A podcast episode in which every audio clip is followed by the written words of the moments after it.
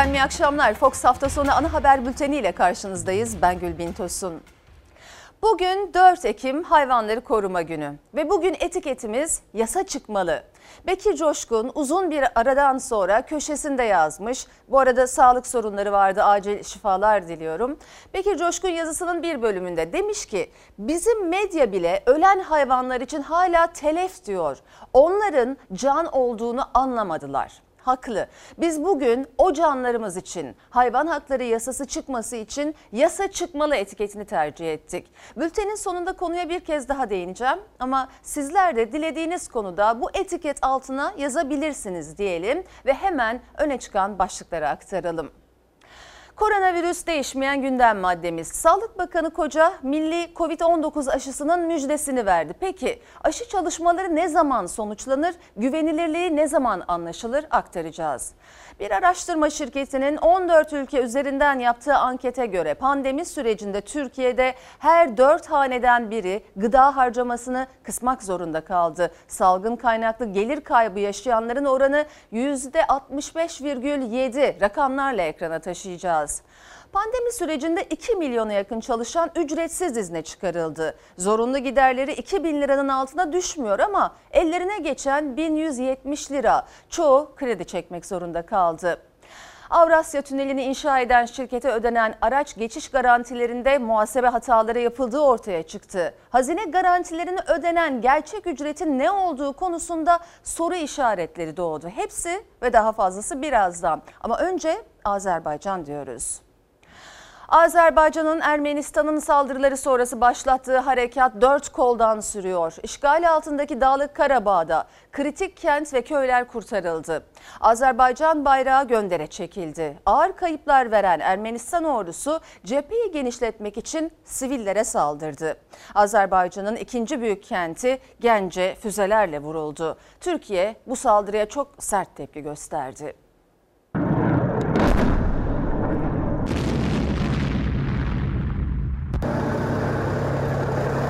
Azerbaycan ordusu kritik iki kenti Ermenistan işgalinden kurtardı. Cephede ilerleyiş hızlandı. Ermenistan sivillere hedef alan alçak saldırılarını sürdürdü. Gence kentini füzelerle vurdu. Bu saldırılar Ermenistan'ın içine düştüğü çaresizliğin ve yasa dışı işgalini sürdürmek için insanlık suçu işlemekten geri kalmayacağının göstergesidir. Ermenistan güçlerinin sivillere yönelik saldırılarının ardından Azerbaycan ordusunun başlattığı operasyon tüm hızıyla sürdü. Azerbaycan güçleri Dağlık Karabağ'da işgal altındaki köy ve kentleri bir bir kurtardı. Kurtarılan yerlerde Ermenistan bayrakları yerine Azerbaycan bayrakları göndere çekildi. Azerbaycan ordusu dört koldan ilerlerken Ermenistan panikte. Ağır kayıplar veren Ermenistan güçleri geride çok sayıda askeri araç, sivil ve cephane bırakarak cephe hattından kaçıyor. Azerbaycan askerleri ele geçirilen bir tankın üzerine çıktı. Zafer türküsü söyledi.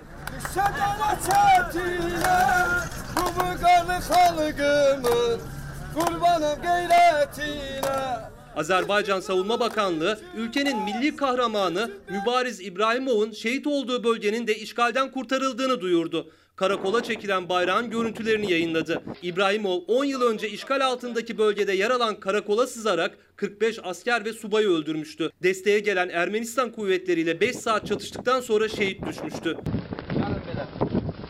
Ermenistan derhal saldırılarını durdurmalı. Yurt dışından getirdiği paralı askerleri, teröristleri geri göndermeli ve işgal ettiği Azerbaycan topraklarını derhal terk etmelidir. Sözde Dağlık Karabağ Cumhuriyeti Başkanı Arayik Harut Yunyan da askerlere cesaret vermek için cepheye gitti.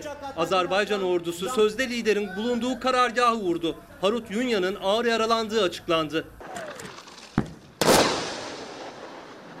Erivan yönetimi ise savaş suçu işlemeye devam ediyor. Cepheyi genişletme peşindeki Ermenistan ordusu Azerbaycan'ın ikinci büyük kenti Gence'ye füzelerle saldırdı. Ermenistan'ı vurun, vurun Ermenistan'ı! Azerbaycan cephe hattından 60 kilometre uzaktaki 350 bin nüfuslu kentin 8 füzeyle vurulduğunu açıkladı. Bir kişinin öldüğünü, 4 kişinin yaralandığını duyurdu. Ermenistan'ın sivillere hedef alan saldırılarına Türkiye'den de tepki geldi. Dışişleri Bakanlığı yazılı açıklama yaparken CHP Genel Başkanı Kemal Kılıçdaroğlu saldırıyı alçaklık olarak niteledi. Kılıçdaroğlu Erivan'ı şiddetle kınadığını söylerken haklı davalarında kardeş Azerbaycan halkının yanındayız dedi. MHP lideri Devlet Bahçeli de Gence saldırısı sonrası çok sert bir açıklama yaptı. Katliamcı Ermeni zihniyeti geçmişte ne yaptıysa bugün de aynısını tekrarlamaktadır dedi. Ermenistan zalimdir, canidir. Döktüğü kanda boğulmalıdır. Bu gelişmeler karşısında Nahçıvan Özerk Cumhuriyeti'nin Azerbaycan Cumhuriyeti'ne katılması şarttır, tarihi zorunluluktur. Çok acil bir ihtiyaçtır. Deyim yerinde ise hayat memat konusudur. Korona gündemiyle devam ediyoruz. Türkiye'de son tabloya göre can kaybı sayısı 8384'e yükseldi. Sağlık Bakanı Koca iyileşen hasta sayısının artması gerektiğinin altını çizdi. Bakanlığın oluşturduğu sisteme göre il il vaka tablosunda dikkat çeken illerden biri Balıkesir. 65 yaş üstü nüfusu çok ama vaka sayısı az. Bakana göre bu durumun nedeni eğitim seviyesinin yüksek olması. Nüfusuna oranla vaka sayısının en yüksek olduğu il Adıyaman, en az vaka ve ölüm oranının olduğu il ise Balıkesir. Türkiye haritasından il il son bilgileri paylaştı Sağlık Bakanı Koca. Ama Türkiye genelinde 59 kişi daha virüse yenik düştü. Toplam can kaybı sayısı 8384'e yükseldi. 1470 olan ağır hasta sayısına ise kontrol edilebilir dedi Koca. Ancak iyileşen hasta sayısı hala istenilen seviyede değil. Bugün tespit edilen 1502 yeni hastamız var. 59 can kaybımız var. Ağır hasta sayımız kontrol edilebilir seviyede seyrediyor. Yeni hasta sayısını azaltmak zorundayız. Bunun yolu tedbirlere birlikte uymak. Birlik olursak sonunda yenilen virüs olacak. Geçtiğimiz haftalarda özellikle Anadolu'da koronavirüs artışının ardından kitle bağışıklığının kazanıldığı noktalar var mı sorusu gündeme gelmişti. Sağlık Bakanı Fahrettin Koca tüm illerden gelen verilerin birleştirildiği ve tartışmalı tablonun oluşturulduğu sistemi cep telefonundan göstererek Habertürk gazetesi yazarı Muharrem Sarıkaya'ya anlattı. Sisteme göre Adıyaman nüfusuna oranla en yüksek vaka sayısına sahip ve kitle bağışıklığına yakın. Yine Türkiye haritasındaki grafikten testi pozitif çıkanların en yüksek olduğu şehirlerden biri Bayburt. Pozitiflik oranının Ankara'da %40, İstanbul'da ise %60'lardan %25 ve %20'lere düştüğünü açıkladı Koca. Ankara'da geçen hafta vaka sayısı Türkiye genelinin %24'ü iken bu hafta %12'ye düştü sisteme göre. İstanbul'daki tablo ise Türkiye'deki vaka sayısının %15'i kadar. Yine kocanın telefonundan da takip ettiği sisteme göre 65 yaş üzerinde en az hasta ve ölüm sayısı Balıkesir'de. Sağlık Bakanı bu durumu eğitim seviyesine bağladı. Bir heyet yollayıp nedenini araştırdık. Gördük ki 65 yaş üstü fazla ama hepsi de yüksek derecede eğitimli kişiler. Kendilerini çok iyi koruyor. Kuralları hiç eksik etmiyor. Tek neden eğitim mi tartışılır. Çünkü eğitim ve gelir seviyesinin yüksek olduğu bir başka nokta. İstanbul'da Beşiktaş Bebek'te ünlü isimleri de ağırlayan bir mekanda tedbirsiz, kuralsız kutlamalar sürüyor. Birkaç haftadır gündem olan o görüntüler son bulmadı. İşte son kutlamalardan bir görüntü daha. Sadece eğlencenin değil, salgının da dozunun kaçtığı anlar sosyal medya hesaplarından paylaşılmaya devam ediyor. Bu sorumsuz görüntülerin yanında hayatını kaybedenler de toprağa veriliyor. Covid-19 nedeniyle yaşamını yitirenlerden biri de hayvansever kimliğiyle ön plana çıkan Van Cumhuriyet Savcısı Özgür Katip Kaya'ydı. Adliye önünde tören düzenlendi 56 yaşındaki savcı Kaya için. Bültenin başında aktarmıştım. Aşı konusunda da çalışmalar devam ediyor. Türkiye'de üzerinde çalışılan 13 Covid-19 aşısından 3'ünde insanlar üzerinde denemelere geçilme safhasına gelindi. Sağlık Bakanı Fahrettin Koca müjdeyi ilk olarak Cumhurbaşkanı ile paylaştı. Muhalefet Türkiye aşı üretiminde %100 dışa bağımlı hayal satılıyor diye ses yükseltti. İstanbul Tıp Fakültesi öğretim üyesi Profesör Yağız Üresin ise gelinen aşamada aşı çalışmalarının en az bir yıl sürebileceğini hatırlattı. Temkinli olunmalı dedi. Sayın Cumhurbaşkanım bir müjdeyi sizlerle paylaşmak istiyorum. Covid-19 ile ilgili bir aşının hayvan çalışması başarıyla tamamlandı. İnsan çalışması safhasına gelmiş olduğunu müjdelemek istiyorum. Şahsım milletim adına tebrik ediyoruz. Sağlık Bakanı Fahrettin Koca, Covid-19'a karşı yerli aşıda insan üzerinde deneme aşamasına gelindi müjdesini Cumhurbaşkanı Erdoğan'ı arayarak verdi. O müjde hem bilim dünyasında hem siyasette yankı buldu. CHP Parti Meclis Üyesi Doktor Gaye Usluer hayal satılıyor dedi. Yerli ve milli Covid-19 aşısı ile ilgili bugün çok önemli bir gelişme oldu. Sonuca çok yakınız. Biz zatürre aşımızı üretemiyorsak, grip aşısını hala üretemeyen bir ülke isek, olmayan bir Covid-19 aşısını yerli ve milli olarak üretebileceğimizden bahsetmesi e, tamamen hayal satmak, hayal üzerinden umut oluşturmak anlamına geliyor. Bu aşamaya geliyor olması sevindirici. Ee, ama bana göre birazcık daha temkinli ve soğukkanlı olmakta fayda var. Çünkü insana vermek için gerekli e, standardı sağlamak gerekiyor. Aşı için böyle bir standart ülkemizde var mıdır e, diye sorduğumuzda ülkemizde uzun zamandır aşıya yatırım yapılmıyor. Sayın Cumhurbaşkanım bu arada 3 aşının enjektöre çekilmiş halini de buradan gösteriyorum. Yarın e, pazartesi günü Bakanlar Kurulu'na da e, sizlere takdim etmiş olacağım efendim. İnşallah hayırlısıyla bunu neticeye kavuştururuz. Dünya Covid-19'la mücadele ederken herkesin gözü aşı çalışmalarında. Dünya Sağlık Örgütü'nün verilerine göre aralarında Türkiye'nin de olduğu 20'ye yakın ülkede toplam 191 aşı çalışması yapılıyor. 10 ülke insan üzerinde yapılan deneylerin 3. fazında. Türkiye'de de aşıda insanlar üzerinde faz 1 çalışmasına yani klinik araştırmaya gelindiğini Bakan Koca aşı çalışmalarının yürütüldüğü merkezden verdi. 3 tane aşının insan deneyi faz çalışmasına önümüzdeki bir hafta 10 gün içerisinde geçmiş olacağız efendim. Bir haftada başlayacağım, 10 günde başlayacağım yerine e, bunun için ne kadar gerekiyorsa o vakti ayırıp e, o şekilde başlamamız gerekiyor. Çünkü zaten şu anda uluslararası aşılar faz 3'ü tamamlamak üzere. Onlar etkili olursa belli ki ilk kaynak olarak onları kullanacağız. Bizimkileri düşündüğümüzde sana başlama aşamasına geldiysek bir sene içinde falan bunların tamamlanması beklenir. Üretim açısından herhangi bir sorunun olmadığını da ifade etmek istiyorum. Faz 3 çalışması yapınca ben hemen bununla ilgili e, sonucu da görürüm, koruyuculuğunu da kanıtlarım demek birazcık küçük. Tedbirli olmak gerekiyor. İstanbul Tıp Fakültesi öğretim üyesi Profesör Yağız Üresin hem insanlar üzerinde yapılacak çalışmanın süresine hem de koruyuculuğun kanıtlanmasına dikkat çekti. Klinik aşamada 3 faz var. Adım adım binlerce kişi üzerinde testler yapılması gerekiyor. Ancak bu aşamalardan sonra aşının güvenilir olduğu ile ilgili net sonuçlara ulaşılabilecek. Sayın seyirciler kimi yaşına kimi bağışıklığına güveniyor. Nasıl olsa ben atlatırım diyerek önlem ve tedbirlere gereğince uymuyor.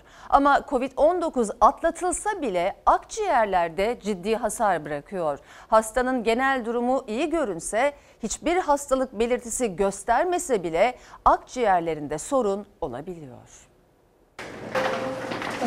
Net bu yeni alanlar Covid uyumlu. Korona virüs hastalığı kapan ve akciğer tutulumu olan bazı bireylerde ileriki dönemlerde fibroz dediğimiz bir tablo oluşuyor. Akciğer dokusu elastik bir yapı yani genişlemeye ve büzüşmeye müsait bir yapı. Ama fibroz gelişince bu büzüşme ve genişleme olmuyor.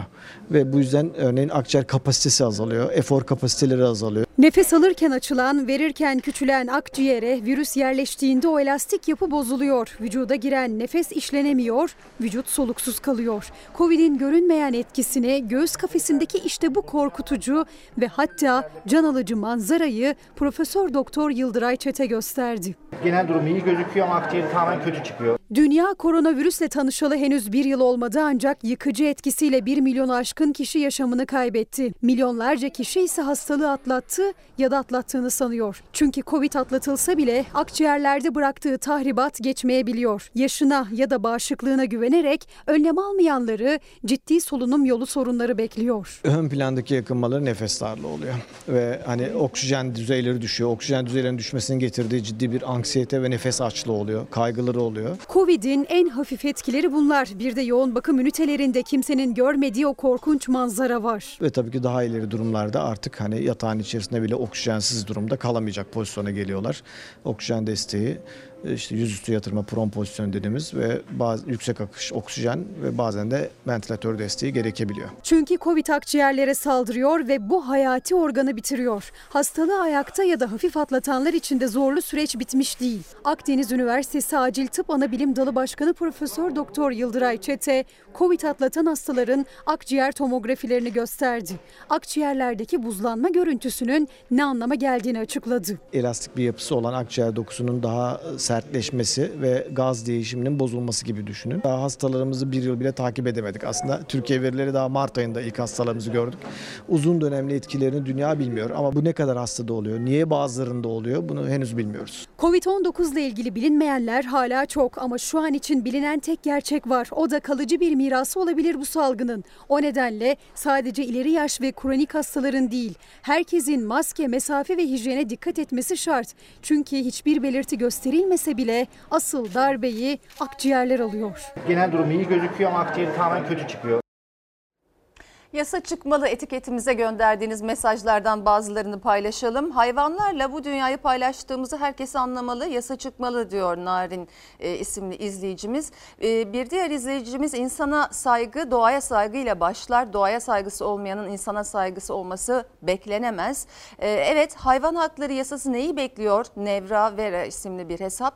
Yıllardır boş laftan öteye gitmedi. Yazık işlerine gelen yasalar bir gecede bile çıkartılabiliyor. Hep sürüncemede kaldığını belirtiyoruz. Bültenin sonunda tekrar bu konuya değineceğiz. Bu arada bu etiket altına diğer sorunlarınızı, diğer isteklerinizi de yazabilirsiniz demiştim. Onlardan birisi de yasa çıkmalı. EYT yasası da çıkmalı demiş Erhan isimli izleyicimiz. E, son bir tweet okuyayım. Ermenistan'ın sivil halkı hedef alarak füzeyle vurmasını şiddetle kınıyorum. Azerbaycan'ın zaferi yakındır diyor Ay Yıldız isimli hesap. Devam edelim yine koronavirüsle devam ediyoruz.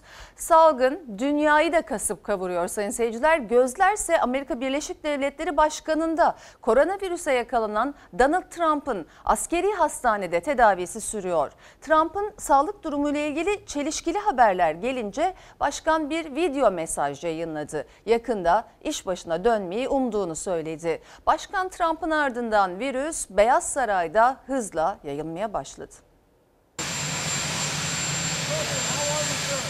Koronavirüse yakalanan Trump'ın kanındaki oksijen oranlarının düştüğü, iki kez soluksuz kaldığı açıklandı. Beyaz Saray'da Covid-19 paniği başladı. Başkan Trump'ın ardından danışmanları, iki senatör ve üç gazetecide daha koronavirüs tespit edildi. Covid-19'a yakalanan Amerika Başkanı Trump'ın tedavisi askeri hastanede sürüyor. Başkanın sağlık durumuyla ilgili çelişkili açıklamalar geldi. Önce Beyaz Saray Özel Kalem Müdürü konuştu. Trump'ın durumunun çok endişe verici olduğunu söyledi.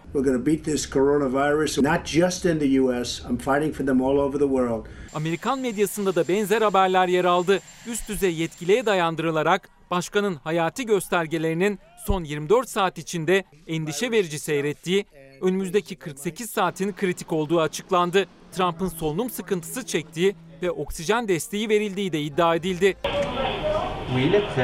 İddialara doğrulama doktorundan geldi. Başkan Trump'ın iki kez kanındaki oksijen oranında düşüş yaşandığını söyledi. Hayati organlarında sorun olmadığını belirtti. İyileşme sürecinin iyi gittiğini, yarın taburcu edilebileceğini açıkladı. Çok geçmeden Başkan Trump sosyal medya hesabından video yayınladı. Askeri hastanedeki odasından konuştu. Kravatsız ve yorgun görünüyordu. Dünyaya iyi olduğu mesajını verdi. I came here wasn't feeling so well. I feel much better now. We're working hard to get me all the way back. I have to be back. Bu arada virüs Beyaz Saray'da da hızla yayılmaya başladı. Başkan ve eşinin çevresindeki danışman ve gazetecilerde de Covid-19 tespit edildi. Trump'ın özel kalem müdürü de virüse yakalananlar arasında. Bunun yanında Beyaz Saray'da toplantıya katılan iki cumhuriyetçi senatörün de koronavirüs testleri pozitif çıktı.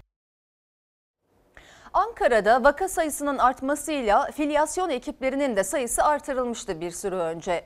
Yoğun çalışma tempolarına bazı bölgelerde bakanlık araçlarının sayısı yetersiz kaldı. Bu kez devreye taksiciler girdi. Günlük görevlendirme ile filyasyon ekiplerini taşıyorlardı ama ücretsiz. Onlara destekse Ankara Büyükşehir Belediyesi'nden geldi. Filyasyon ekiplerini taşıyan 300 taksiciye günlük 200 lira veriliyor. Filyasyon ekibi taşıyorum. E, sağlıkçılarla beraber ön cephede bizler de bir savaş veriyoruz. Çünkü onları götürüyoruz, getiriyoruz. Temas halindeki hastalara e, sağlıkçıları taşıyoruz. En hızlı vaka artışının yaşandığı Ankara'da filyasyon ekipleri gece gündüz hastaların kapısını çalarken onlarla omuz omuza çalışan bir grup daha var.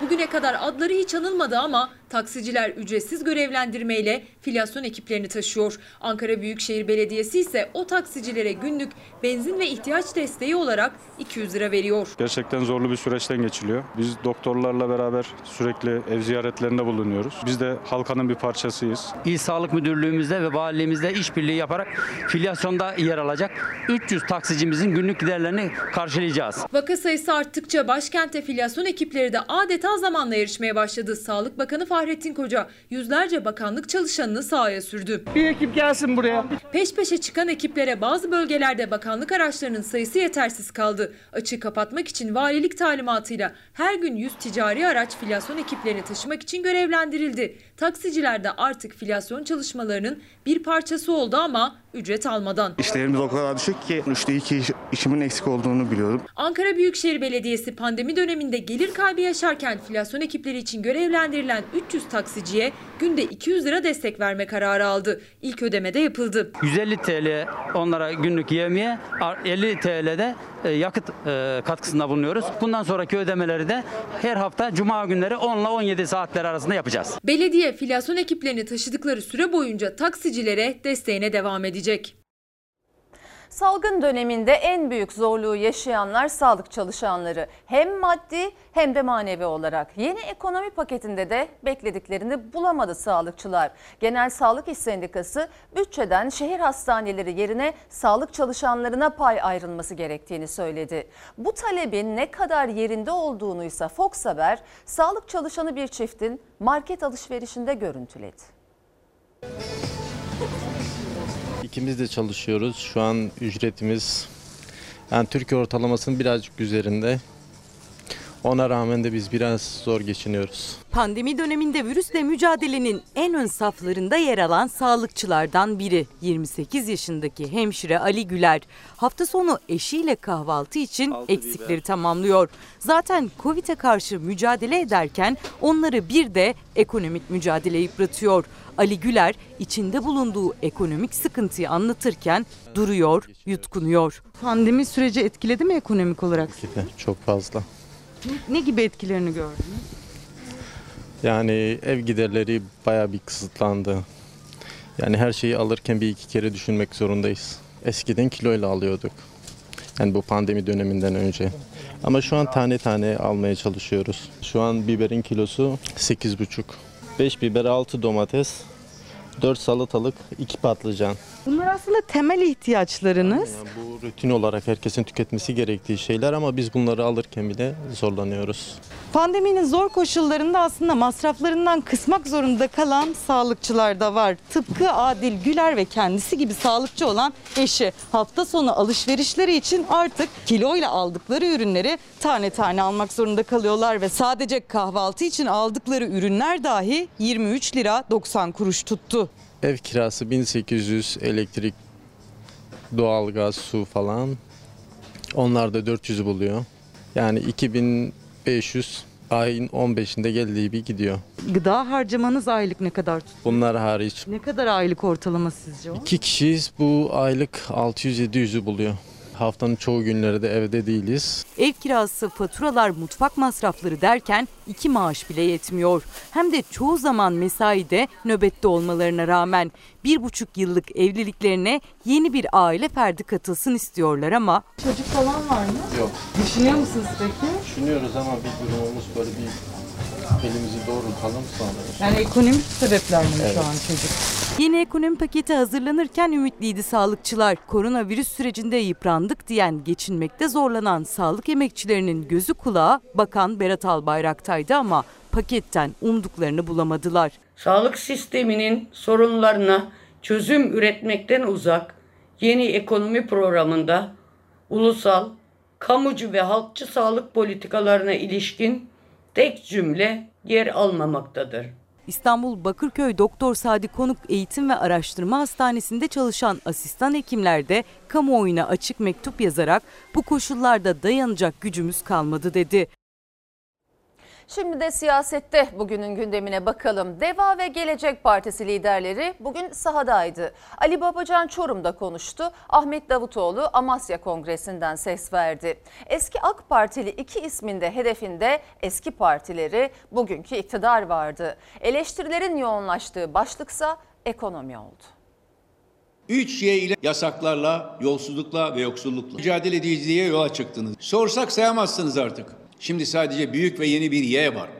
Yalan, yalan, yalan. Yalanlarla, çarpıtmalarla, kandırmayla böyle aldatmaya çalışsalar da halk görüyor. Kimse kimseyi kandırmasın. Artık yeter. Türkiye bunu hak etmiyor. Ali Babacan artık yeter dedi. Ahmet Davutoğlu demokrasi krizi, ekonomik çöküş içindeyiz sözleriyle ses yükseltti. Eski AK Partili iki ismin hedefinde 3 bakanla Erdoğan vardı. Birisi enflasyon tablosuyla kavga ediyor. Diğeri korona salgını tablosuyla kavga ediyor. Milli Eğitim Bakanı konuşur, yalan. Erdoğan gider Gaziantep'te 300 fabrika açar. Hem sanal hem yalan. İşsizlik en yüksekte, paramızın değeri en dipte. Türkiye'nin görmediği rakamları görüyoruz. Orta direk yıkılıyor. Şu anda Türkiye ekonomide pik yapıyor. Dibe değil tavana. Görünen sonunda geriye doğru gide gide 2001 krizine getirip anahtarları atıp bu iktidardan kaçacaklar. AK Parti iktidarının eski başbakanı, Gelecek Partisi Genel Başkanı Ahmet Davutoğlu Amasya Kongresi'nde AK Parti iktidarının ekonomiden sorumlu eski Başbakan Yardımcısı Deva Partisi Genel Başkanı Ali Babacan Çorum Kongresi'nde konuştu. Her cümleleri AK Parti iktidarına yöneldi. Berat Albayrak'ın kur benim için hiç önemli değil, hiç oraya bakmıyorum sözlerine tepki büyüktü. Biz döviz kuruna bakmıyoruz, ilgilenmiyoruz. Ya siz halkı cahil mi sanıyorsunuz? Halk her gün sokakta, pazarda, markette gerçek enflasyonun ne olduğunu görmüyor mu? Kur sizi ilgilendirmiyor da niçin akaryakıda, niçin elektriğe zam yapıyorsunuz? Aslında yeni plan ismi umursamıyorum olsaydı çok yerinde olurdu. Sen umursamayacaksın da doları asgari ücretle geçinmeye çalışan dar gelirli mi umursayacak? Faiz sebeptir, enflasyon neticedir. Merkez Bankası politika faizini yüzde iki artırdı. Acaba hükümet faiz lobisi karşısında direnemiyor mu artık? Türkiye'nin gördüğü en faizci ekonomi yönetimi bu yönetimdir. Eski AK Partili yeni genel başkanlardan iktidara salvolar çift koldan devam ediyor. Pandemi sürecinde ücretsiz izne çıkarılanların sayısı her geçen gün artıyor. Bu da günlük 39 lirayla geçinmeye çalışmak demek. Bir araştırma şirketi aralarında Türkiye'nin de olduğu 14 ülkede araştırma yaptı. Ücretsiz izne çıkarılanların sayısında Türkiye lider ve alım gücü düştüğü için de her 4 haneden biri gıda harcamasını kısmak zorunda kaldı. Mutfakta durumlar nasıl? Yanıyor mutfak ya. Yanıyor diyorum. Bir kilo alacağım, yarım kilo alacağım yani. Kilo ile yapılan temel gıda alışverişleri bile tane hesabıyla yapılıyor artık. Pandemi sürecinde yaşanan gelir kaybında en çok gıda harcamaları kısıldı. Türkiye'de her 4 haneden biri gıda harcamasını azaltmak zorunda kaldı. Nasıl fiyatlar? Oo felaket. Peynirciye girdim 40 lira peynirin kilosu. Kıstınız mı gıda harcamalarını? Kısıyorsun mecburen. İstini alamıyorsun. Bak şimdi ucuz bir şey arıyorsun. Bak 4 lira. Yani almak bile istemiyorsun. Veya bir kilo alacaksın, yarım kilo alacaksın. Bak çocuğa yarım muz verdik. Yarısı nerede muzu? Saklıyoruz yarına. Bir, güne bir tane böyle miyiz? Et, tavuk, balık peki? O, o çok nadir o ya. O nerede? Kasabın yanına bak kasap karşıda biz buradan gidiyoruz. Kasaba uğramadan mı? Nasıl vuracaksın? 80 lira kilosu, 70 lira kilosu. Ne alacağız? Ayda bir kıyma alabilsek alırız, alamazsak Allah yardımcımız olsun. Bir araştırma şirketinin 14 ülkede 40 bin yetişkin üzerinden yaptığı ekonomik araştırmaya göre Türkiye ücretsiz izne çıkarılanların sayısıyla zirvede. Salgın kaynaklı gelir kaybı yaşayanların oranı %65,7. Şurada pazara çıkıyoruz. iki tane bir şey alıyoruz. 50 lira. Bugün bu markete giriyoruz. Gene iki parça bir şey aldı 100 lira. Yani günde 100 lira harcadığında bu adam ayda 3 lira para yapar. Ben her gün markete giriyorum. Yani çünkü evde her gün bir şeyler e, gerekiyor. Ama hani benim 50 lira günlüğüme yetmiyor ki. 39 lira o adam alıp da hiç yetmez zaten. Yani malum e, piyasa çok kötü şu anda. Pandemide Türkiye'de her 100 kişiden 21'i ücretsiz izne çıkarıldı. Yani evine günlük 39,24 lira giriyor. Aylık 1168 lira. Günlük 39 lira 24 kuruş alıyor. 4 kişilik bir aile için harcanması gereken bu para günlük gıda alışverişleri için ne kadara ve neye tekabül ediyor şimdi onu hesaplayacağız.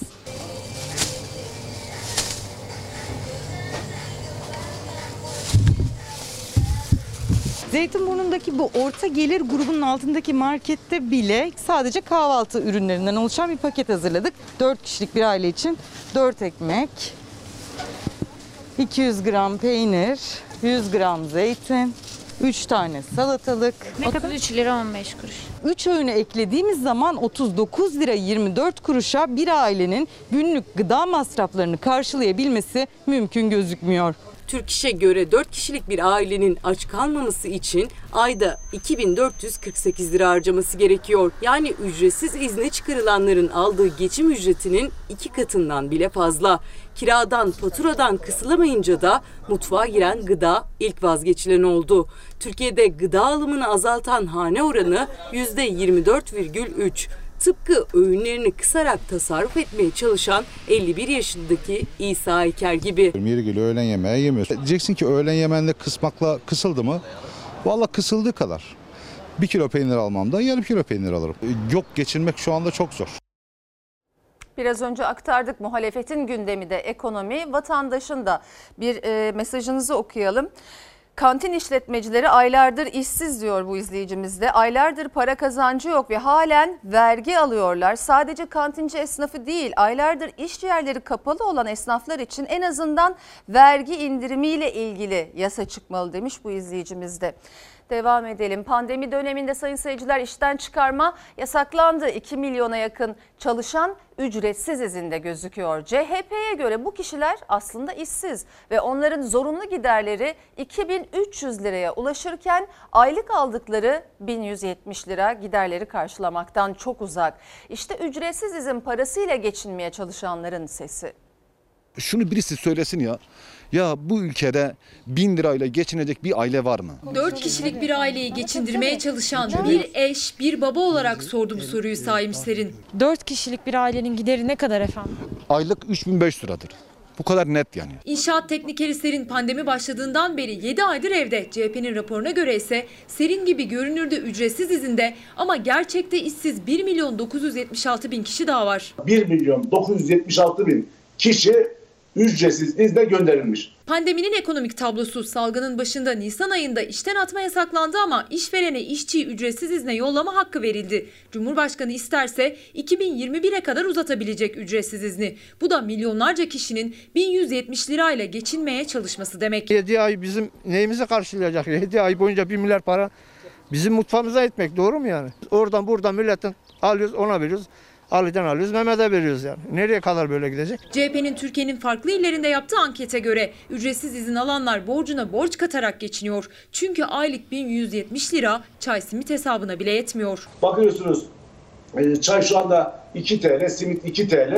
E, Ortalama 5 kişilik bir ailenin e, bir günlük masrafı 60 TL, 30 günlük masrafı 1800 TL. Güncel kredi kart harcama tutarım var böyle bakalım. 2411 lira sizin kredi kartınızdan bu ayki harcamanız. Şu anda bu ay harcamam evet toplam. Çay simit hesabına göre kısa çalışma ödeneğinden faydalanan Şafak Çavuş, o da giderlerini alt alta yazdı, topladı, gelirinden çıkardı. Sonuç borç. 300 lira falan konut kredisi ödüyorum. Telefon faturası, elektrik, su, Yani 800 lira falan geliyor. Kredi kartına toplam borcum 5000 lira falan borcum var. Kendi ihtiyaçlarımı karşılamak ilk önceliğim değil. Özel bir okulda ücretli öğretmenlik yaparken ücretsiz izne yollanan Buket Kalender kendi ihtiyaçlarını bir yana bıraktı. 1170 lirayla kardeşini okutmaya çalışıyor. Ama nasıl? Eskişehir'de kız kardeşim yaşıyor. Ona aylık en az 2000 lira gönderiyoruz. Bu süreçte de elime gelen para zaten maaşımın yarısının yarısı. Binlerce insan işsiz ve işsizlik ödeneği almıyor. Hükümetin anlattığıyla halkın yaşadığı çok farklı. CHP'nin araştırmasına göre ücretsiz izne ayrılanların geliri 1170 lira, zorunlu giderleri ise 2332 lira. Ve yine o araştırmaya göre yaklaşık 2 milyon ücretsiz izinli görünenlerin %72'si gelir gider açığını kapatmak için krediye yüklendi.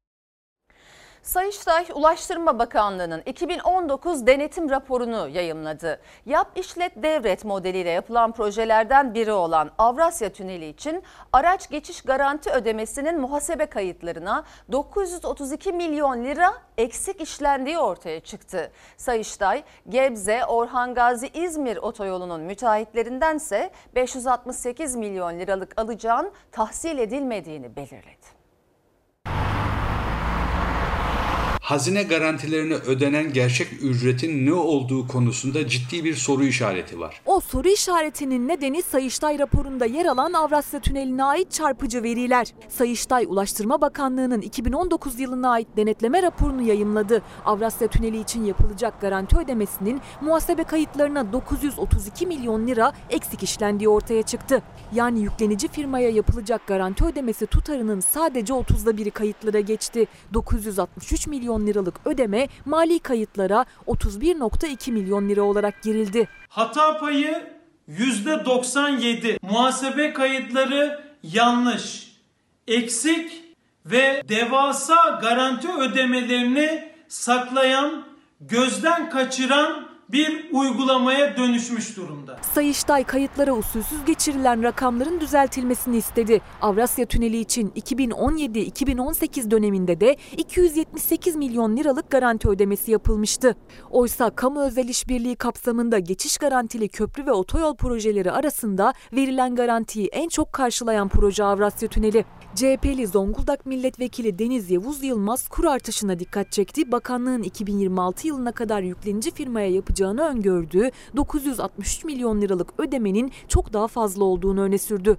Ulaştırma ve Altyapı Bakanlığı döviz kuru hesabını yapamamaktadır. Hesapsız, plansız bir şekilde bütçesini oluşturmakta, fatura ise yine vatandaşa elektrik, doğalgaz, su faturalarına zam olarak yansımaktadır. Ve bir başka çarpıcı veri 4 yılda Avrasya Tüneli'nden 1.8 milyon araç kaçak olarak geçti. 1.2 milyonu cezasını ödemedi. Ve anlaşmaya göre kaçak olarak geçen sürücülerden ceza tahsil edilemediği takdirde ödemeyi her bir araç başına hazine yapıyor ki 24 milyon lira hazineden yüklenici firmaya ödeme yapıldı. Yani kaçak geçiş yapanların oluşturduğu yüklü miktardaki açığı halk yine cebinden ödediği vergilerle kapattı. Karar Gazetesi ekonomi yazarı İbrahim Kahveci ise hazine garantili ödemelerin Karayolları Genel Müdürlüğü bütçesi üzerinden yapıldığını belirterek bir başka noktaya dikkat çekti. Yaklaşık olarak toplanan gelirin onda biri seviyesinde bakım onarım gideri yapılmış. Acaba geriye kalan para ne oluyor? Karayolları Genel Müdürlüğü eski otoban ve köprülerden topladığı paraları da hazineden aldığı paranın üzerine ekleyerek bu projelere ödeme yapıyor mu? Sayıştay'ın Karayolları Genel Müdürlüğü denetim raporuna göre ise yapışlet devret modeliyle yapılan Gebze Orhan Gazi İzmir otoyolunun müteahhitlerinden kamulaştırılan taşınmazlar için kullanım bedeli olan 568 milyon liralık alacağının 10 yıldır tahsil edilmediği ortaya çıktı. İşletmenin 2035 yılındaki kamuya devrine kadar olan geçecek sürede ödemesi gerekecek olan toplam tutar yaklaşık 1,5 milyar TL'yi bulacak. Balık sezonu başlayalı bir ay oldu. Balıkçılar sezon bereketli geçecek diyor. Tezgahlarda şu sıra palamut bolluğu var. Hamsi sevenlerin ise yüzü bu sene pek gülmeyecek gibi. Palamut geçen sene çok yiyememiştik. Sezonda olmamıştı. Bu sene maşallah güzel. Tanesi 12,5 10 tane aldık. Uygun mu fiyatlar? Evet gayet uygun daha ne olsun ya. Diğer balıkların fiyatlarına baktığınızda Ya onlara bakmama gerek kalmadı. Palamut'un sezonu. Palamut'la devam ediyoruz. Şu anda palamut çok ucuz. Biliyorsunuz geçtiğimiz sezon palamut balığı yok derecede yoktu tezgahlarda yani. Geçen sene 1 kiloluk palamutlar 35 ile 40 arasıydı. Bakın yerlere düşüyor balık bolluktan. Denizde bereket, Palamut'ta bolluk var bu sene. 1 Eylül'de açılan sezonla birlikte balıkçıların yüzü Palamut'la güldü. Bugün 10 liraya 15 lira hakikaten bir şey yok. Yani bugün ekmek arası bir döner yesen atıyorum 15-20 liraya. Şu an çinekopun kilosu 50 lira. Mezginin kilosu 35 lira. Sardalya 35 lira. Havaların biraz soğu, soğuduktan sonra yarı yere fiyatlar düşer. 10 lirayı 15 liraya kadar görür yani. Deniz devreyi, deniz çuprası şu an var. 50 lira, 60 lira. Boy boyu değişiyor. Lüfer var bu sene. Lüfer olacak. O da 2 ay sonra. Şu sıralar tezgahın en ucuzu, en tazesi palamut. Bütün tezgahlarda palamut bolluğu var. Fiyatı da 10 liradan başlıyor, 20 liraya kadar çıkıyor. İstanbul Yenikapı'daki balık hali tezgahlar doldu taştı. En tazesini en ucuz almak için sıkı pazarlıklar yapıldı. Toptan alacağım ben aşağı yukarı 20-25 tane almayı düşünüyorum. Ama şu anda pazarlık esnasındayız. 12 diyor. Ben de 12'yi almam. İkram yapacak mısınız? 10 liraya kadar bıraktım ona ben. 10 liraya. Şimdi kurbanda önceden eller sıkılırdı. Elini sıkacağım da şimdi pandemi dolayısıyla sıkamıyorum. Böyle yapabiliriz. O yüzden Böyle. Balık alırken de mi 20 pazar? tane ver. Tamam ver yok 10 liraya ver. 9'a 20 tane ver. 10 liraya 1 lira değil. Zaten 9 lira geniş var 1 lira da biz kazanalım. Palamut fiyatları ucuz ama hamsi fiyatları pahalı. 40 lira 45 TL civarında. Siz hangisini tüketiyorsunuz genelde? Biz genelde e, hamsi tüketmeye çalışıyoruz ama fiyatları şu an tam uygun değil. Palamut biraz daha fiyatı mantıklı kalıyor. Tezgahta hamsi az. Özellikle hamsi için gelenler ya palamut alıyor ya da eli boş dönüyor. Tezgahta olanlarsa 30-40 liradan satılıyor. En çok hangi balığı yemeyi seviyorsunuz? Hamsi. Ben hamsi seviyorum. Hamsi. Yemesi de kolay değil mi? Hemen şu an. Çıt çıt çıt bitiyor. Hamsinin e, az olma nedeni ise palamut hamsi yediği için palamut bol olduğu senelerde e, sezonda hamsi az olur. Aslında palamutun bir tanesi 10 liraya verdiği zaman iki kişi doyabiliyor yani. Veya onu buğulama tarzı yapmış olsan 3 kişi doyar, 4 kişi doyar. Palamutta fiyat normal. 10 lira 15 lira normal. Geçen sene palamutun tanesi 30 lira 40 liraydı. Fiyatları uygun bulan da vardı, pahalı diyen de. Umduğu fiyatı bulamayanlar için iş başa düştü. Çupra alacaksınız. Kaç kişilik bir ailesiniz? Kaç adet almalısınız? İki kişilik aileyiz. iki tane alacağız. 100 lira vermemiz lazım. Ama 100 lira da çok yani. Yani bir kilo pirzola gibi bir şey bu ya. Peki şimdi bu koşullarda tezgahtan bir balık alacak mısınız bugün? Eve gidip götürecek misiniz? Aa şimdi almayacağım. Şimdi almayacağım. Şimdi gidiyorum arkadaşımın yanına balık tutmaya. Peki rast gelsin. Teşekkür ederim. Kolay gelsin. Amerika Birleşik Devletleri'nde siyahiler yine polis şiddetinin hedefinde. Bir cinayet kurbanı için düzenlenen anma törenine katılan 9 aylık hamile kadın polis tarafından ters kelepçeyle gözaltına alındı. Sosyal medyada yayınlanan görüntüler büyük tepki çekti.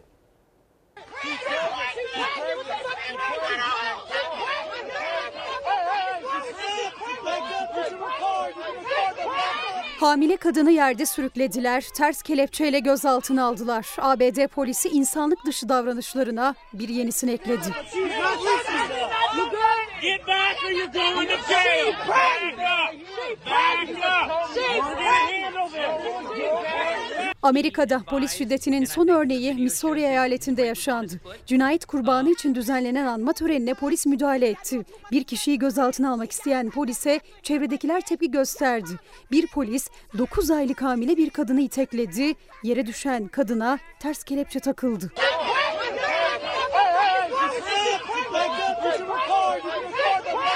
Gözaltına alınan siyahi kadın daha sonra serbest bırakıldı. Hastaneye kaldırılan kadının ve bebeğinin durumunun iyi olduğu açıklandı.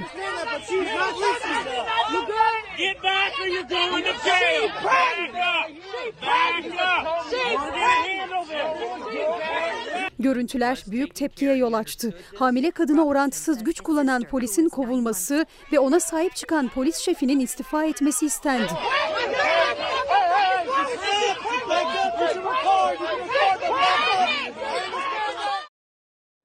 Evet sayın seyirciler bugün Dünya Hayvanları Koruma Günü. Yurt genelinde pek çok etkinlik vardı. Hayvan barınaklarına ziyaretler yapıldı. Arkamda görüyorsunuz pek çok önemli isim hayvan sevgilerini fotoğrafladı. Sosyal medyadan yayınlandı. Burada Emine Erdoğan'ı görüyoruz. Engelli bir köpeği sahiplendi. Burada Milli Savunma Bakanlığı'nın yayınladığı bir kare. Burada Cumhurbaşkanı Yardımcısı Fuat Oktay var. Burada İçişleri Bakanı Süleyman Soylu ve İstanbul Büyükşehir Belediye Başkanı Ekrem İmamoğlu. İnanın her kare bence birbirinden güzel ama işte bu tablo yetmiyor. Yıllardır kanayan yaramız, sokak hayvanlarının yaşam şartları değişmiyor. Sokaklardaki korkunç akıbetleri de hayvan hakları yasası yıllardır sürüncemede. Mevcut düzenlemelerin hiçbir caydırıcılığı yok. Avrupa'da hayvana şiddetin cezası nasıl uygulanıyor? Birkaç örnek vermek istiyorum buradan. Mesela Belçika'da 300 bin euroya kadar ağır vakalarda para cezasına çarptırılabiliyor. 2 yıla kadar da hapis cezası. Fransa'da 30 bin euroya kadar 2 yıl hapis cezasıyla cezalandırılabiliyor. Bu iki örnek yeterli sanıyorum. Ee, işte onun için yasa çıkmalı dedik biz bugün. CHP İstanbul Milletvekili Sezgin Tanrıkulu'nun yazılı bir basın açıklaması oldu. Neden bu yasanın çıkarılması gerektiğini anlatıyor ve sonunda şöyle diyor. Hepsini okuyamayacağım internetten e, bulabilirsiniz. En sonunda demiş ki Sayın Sezgin Tanrıkulu gelin yasal düzenlemeyi yapalım artık 6 Ekim 2020 tarihinde mecliste görüşelim diyor basın ve kamuoyuna açıklamasında. Şimdi ben de meclise tüm vekillere seslenmek istiyorum. Bu işin partisi, ideolojisi olmaz. Bu işin insanlığı olur. Lütfen ama lütfen artık bu yasayı hazırlayın ki yıllardır kanayan yaramıza bir çare olun. O canların her birinin her birimize emanet olduğunu unutmayın. Sayın Cumhurbaşkanı'nın önüne böyle bir yasa gelirse onaylayacağından eminim efendim diyorum. Şimdi araya gidiyoruz. Efendim Fox hafta sonu ana haber bültenini burada noktalıyoruz. Fox'ta yayın 7. koğuştaki mucizeyle devam edecek. İyi bir akşam, iyi bir hafta geçirmenizi diliyoruz. Hafta içinde Selçuk Tepe ile sizlerle birlikte olacak. Hoşçakalın.